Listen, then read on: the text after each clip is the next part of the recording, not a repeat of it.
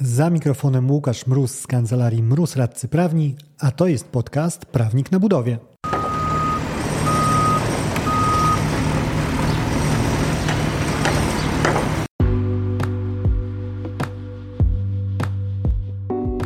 Z tej strony mikrofonu radca prawny Łukasz Mróz, a to jest podcast Prawnik na budowie, w którym mówimy o wszystkim, co związane z kontraktami budowlanymi.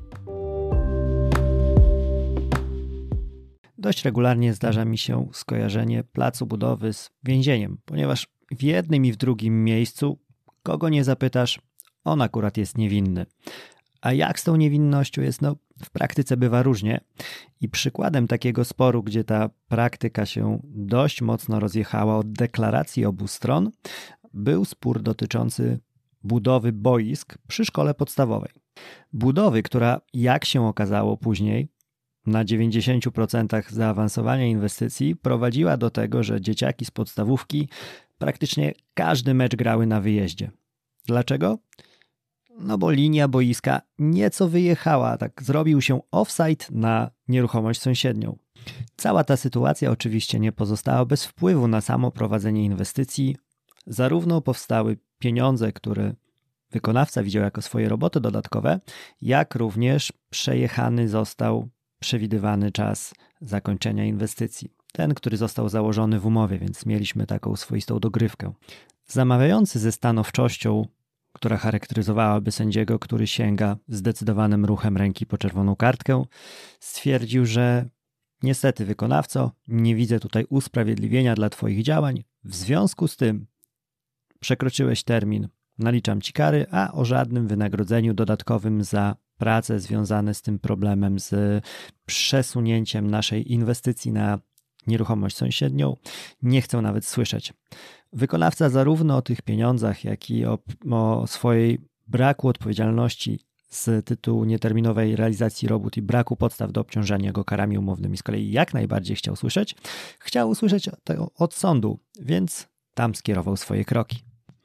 Ten spór miał kilka wątków. Między innymi to w nim padł, e, sąd powołał się na stanowisko Sądu Najwyższego, zgodnie z którym dziennik, urzęd, e, dziennik budowy nie jest dokumentem urzędowym, a jedynie dokumentem prywatnym i wzmiankuję o tym, bo to ku mojemu zdziwieniu okazało się chyba najbardziej polaryzującym stanowiskiem Sądu Najwyższego, które do tej pory omawiałem, ponieważ mocno ubodło to e, z, z kadrę inżynierską, tak nazwijmy, inżynierską część moich followersów, e, chyba troszkę potraktowali tą uwagę jako deprecjonowanie e, znaczenia dziennika budowy oraz no, samych działalności e, samych kierowników budów, co zupełnie nie było intencją Sądu Najwyższego, ale to jako taka off-topowa ciekawostka. To, co już nie jest off-topowe, a co jest clue tego sporu, tego wątku przynajmniej, który chciałem omówić w tym odcinku, jest Dokumentacja projektowa. Od niej zacznijmy, ponieważ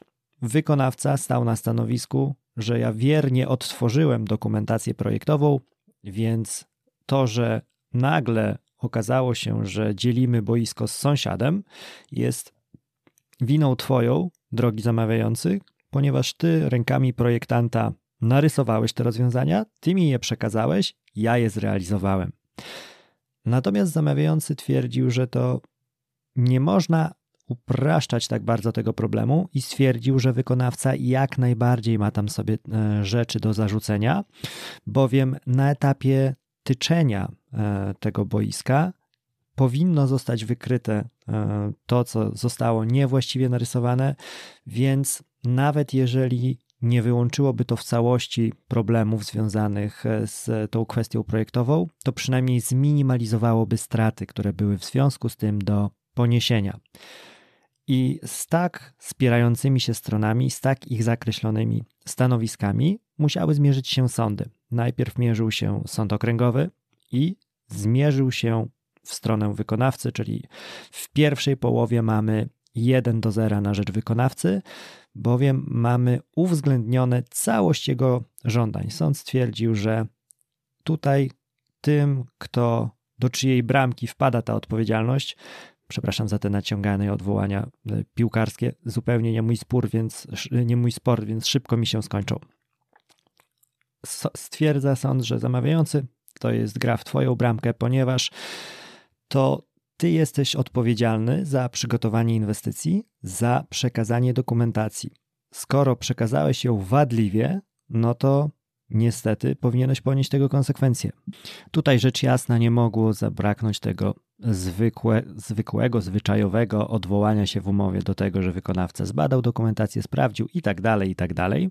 I sąd nie przymknął na to oka, jak najbardziej odniósł się do tego wątku i stwierdził, że ten obowiązek badania dokumentacji, który wynika z artykułu 651 kodeksu cywilnego, no to może oznaczać co najwyżej to, że wykonawca przeprowadzi taką wstępną weryfikację, wstępne sprawdzenie dokumentacji i nie można od niego wymagać, żeby przed rozpoczęciem wykonania zadania błędy wszelakie wykrył.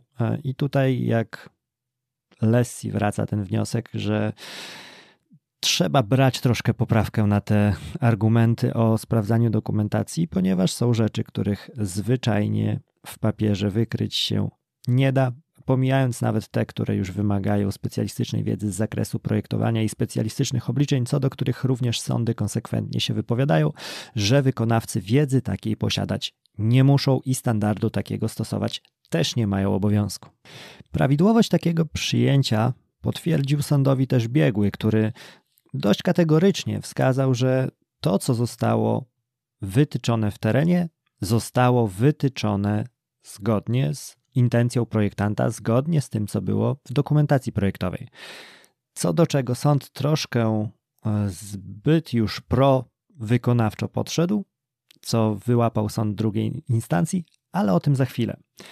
W każdym razie, podsumowując te wszystkie rzeczy, sąd uznał tak najbardziej ogólnikowo, że to zamawiający miał obowiązek należytego zorganizowania procesu budowy, w szczególności zapewnienia opracowania projektu budowlanego i wszelkiej niezbędnej do realizacji umowy dokumentacji technicznej. I obowiązkowi temu najzwyczajniej w świecie nie sprostał, ponieważ dostarczył wykonawcy dokumentację dotkniętą błędami i nieprawidłowościami. I właśnie te błędy i nieprawidłowości finalnie doprowadziły do tego, że boisko zostało wytyczone częściowo na nieruchomości nienależącej do inwestora, a w konsekwencji rzutowało to na powstałe roboty dodatkowe, koszty dodatkowe, czas realizacji. W związku z tym wykonawca nie może być za to karany, czyli ten błąd projektowy, jako że leżał po stronie zamawiającego, w ostatecznym rozrachunku prowadzi do tego, że potrącenie karami umownymi za e, nieterminową realizację całości inwestycji było nieskuteczne, ponieważ nie można potrącić, najpierw naliczyć, a później potrącić skutecznie wykonawcy kar, za które on tak na dobrą sprawę nie odpowiada, jeżeli chodzi o przyczyny nieterminowości. Z taką oceną mocno nie zgodził się zamawiający, postanowił, że odpali war w postaci sądu drugiej instancji i jako wrzutki wskazujące, cóż tam było nieprawidłowe, e, mocno pochylił się zamawiający, formułując swoje zarzuty nad tym, jak należałoby ocenić staranność wykonawcy co do procesu wytyczenia. I może tutaj po prostu przeczytam mm, fragment wyroku, dość obszerny, także łyczek kawy z waszej strony. Lecimy. Zamawiający wyjaśnił, że sąd błędnie ustalił, iż wytyczenie obiektów wykonane na zlecenie powoda nastąpiło zgodnie z projektem budowlanym, to jest mapą zagospodarowania terenu. Sąd oparł się w tym przedmiocie na opinii biegłego geodety, który jednak w opinii stwierdził, że wytyczenie zostało wykonane częściowo, zgodnie z rozporządzeniem w sprawie rodzaju i zakresu opracowań geodezyjno-kartograficznych oraz czynności geodezyjnych obowiązujących w budownictwie, bla, bla. Co oznacza przecież, że w pozostałym zakresie zostało wykonane niezgodnie z tym rozporządzeniem. Żelazna logika, w tym przypadku trafna. Ponadto geodeta wykonujący wytyczenie błędnie założył równoległość granicy działki i budowanych obiektów do krawędzi budynku szkoły. Pozwana zwracała na to uwagę już w piśmie, czyli zamawiający z 10 grudnia. Analiza rysunków zagospodarowania terenu oraz szkicu z pomiaru kontrolnego boisk wykazuje, że boiska nie powinny być usytuowane równolegle do budynku szkoły. Natomiast powinny być zrealizowane w odsunięciu od granicy działki w części północnej. czyli lecimy troszkę z kosem. Odległość od budynku szkoły do granicy działki w części północnej jest zmienna i zmniejsza się w kierunku wschodnim. Czyli zamawiający wkracza na taką ścieżkę polemiki, nawet nie tyle prawnej, co takiej czysto inżynieryjnej warsztatu e, geodety.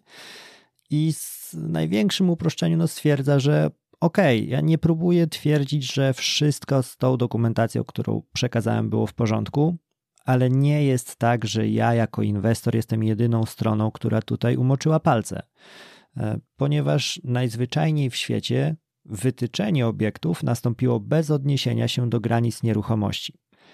Co powinno mieć miejsce? Co więcej, za to odpowiedzialny jest kierownik budowy, a zgodnie z umową dostarczenie w cudzysłowie kierownika budowy leżało po stronie wykonawcy, także jego uchybienia są uchybienia geodety, przepraszam, uchybienia kierownika budowy w zakresie wytyczenia są de facto uchybieniami wykonawcy. I stwierdził e, zamawiający również, że nie może umknąć uwadze, że ten cały problem wyszedł w momencie, kiedy byliśmy na 90% zaawansowania całej inwestycji.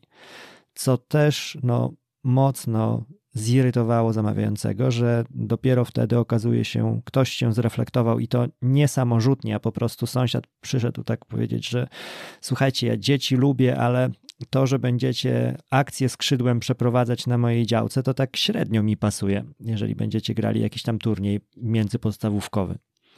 I te argumenty jak najbardziej trafiły na podatny grunt, na grunt sali rozpraw sądu apelacyjnego, który również zgodził się z tym, że no tak, mnie to przekonuje, że tutaj e, jest odpowiedzialność po stronie zamawiającego. Ukryć się tego nie da, że problemy z dokumentacją są, ale również ukryć się nie da, że mieliśmy niedociągnięcia, uchybienia przy samym wytyczaniu, co z kolei już było działaniem po stronie wykonawcy. No, nie mamy więc na tej mojej sali rozpraw niewinnych. I również ten sąd tak dość deep diving sobie, takie głębokie nurkowanie przeprowadził w kwestię te e, geodezyjnej strony tej sprawy i e, wskazał, że jak najbardziej trafny jest ten argument, taki czysto logiczny zamawiającego, że jeżeli ktoś mi pisze w opinii, że e, w części jest prawidłowe moje działanie, to znaczy, że w części nie jest. Więc porozmawiajmy o tej nieprawidłowej części i dlaczego została ona tu pominięta. E, tutaj kilka ciekawych e, takich mm, rzeczy czysto praktycznych e, wyłapał sąd sobie z opinii biegłego wskazując chociażby, że biegły zwrócił uwagę, że wadliwość mapy, w oparciu o którą wykonano wytyczenie, mogła, bo może się teraz na tym etapie tylko domyślać biegły, e, polegać na tym, że choć formalnie była ona sporządzona w tej samej skali, to jednak kserowanie, skanowanie oraz wilgoć mogą zmieniać ich wielkość w granicach 1-2%. Z opinii biegłego wynika więc, że gdyby nie wadliwość projektu, nawet nie ustalenie przebiegu granic przy wytyczeniu nie doprowadziłoby do naruszenia podczas budowy własności nieruchomości sąsiedniej. Czyli podkreślenie, że no, ta wadliwość projektu była, nie można jej pominąć, e, problem e, i tak by powstał, ale nie jest to jedynie problem, który leży w gestii zamawiającego. Dalej podkreśla właśnie to, o czym mówiłem już sąd, że mamy tu kierownika budowy, jak na budowie każdej, chociaż już wkrótce, jeżeli chodzi o domy jednorodzinne, chyba nie na każdej. E, I obowiązek zapewnienia, żeby ten kierownik się tam znalazł, spoczywał na wykonawcy. I to, o czym mówiłem, skoro mm, zgodnie z umową obowiązek prawidłowego wytyczenia obiektu spoczywa na wykonawcy, który zapewnia kierownika budowy, no to nie mógł wykonawca sobie usiąść w takiej twierdzy, w takim zamku zbudowany z, ze stwierdzenia, że wytyczenie jest zgodne z projektem, tylko on powinien raz jeszcze stwierdzić, jaki jest przebieg granic i odnieść wytyczane obiekty do nich. A zaniechał tego do czasu, kiedy przyszedł właśnie ten e, sąsiad i stwierdził, że panowie, na mojej działce kopane nie będzie. I tak podsumowując, sąd stwierdza, że wina zamawiającego polega na tym, że przekazał wykonawcy wadliwy projekt budowlany, zawierający źle sporządzony projekt zagospodarowania terenu.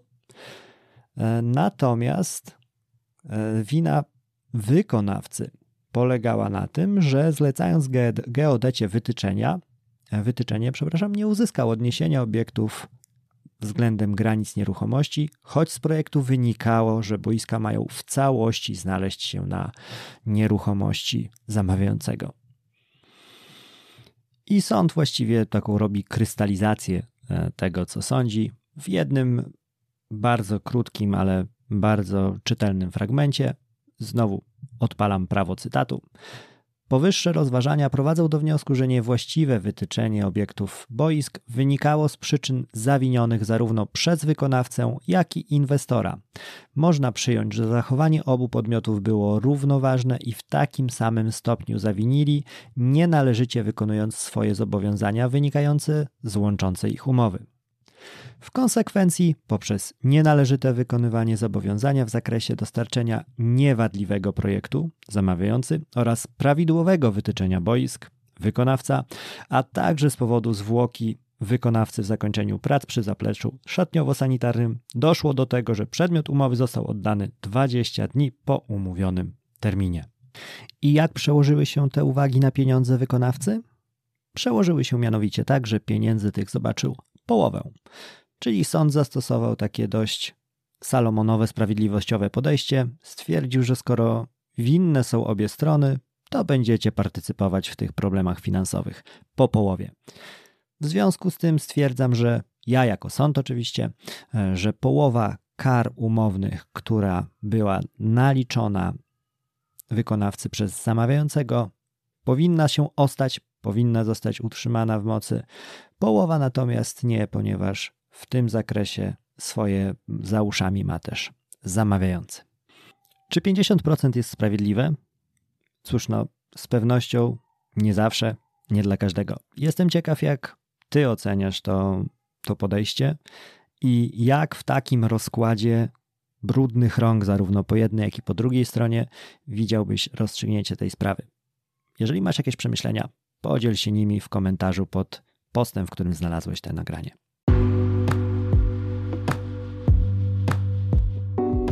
Z tej strony mikrofonu radca prawny Łukasz Mróz, a to jest podcast Prawnik na budowie, w którym mówimy o wszystkim, co związane z kontraktami budowlanymi. Dzięki za odsłuchanie tego odcinka. Jeżeli chcesz się ze mną skontaktować, możesz napisać na biuro kancelariamroz.pl albo zadzwonić na 577 665 077. Znajdziesz mnie też w mediach społecznościowych na LinkedIn jako Łukasz Mróz, a na TikToku, Facebooku i Instagramie jako Prawnik na Budowie.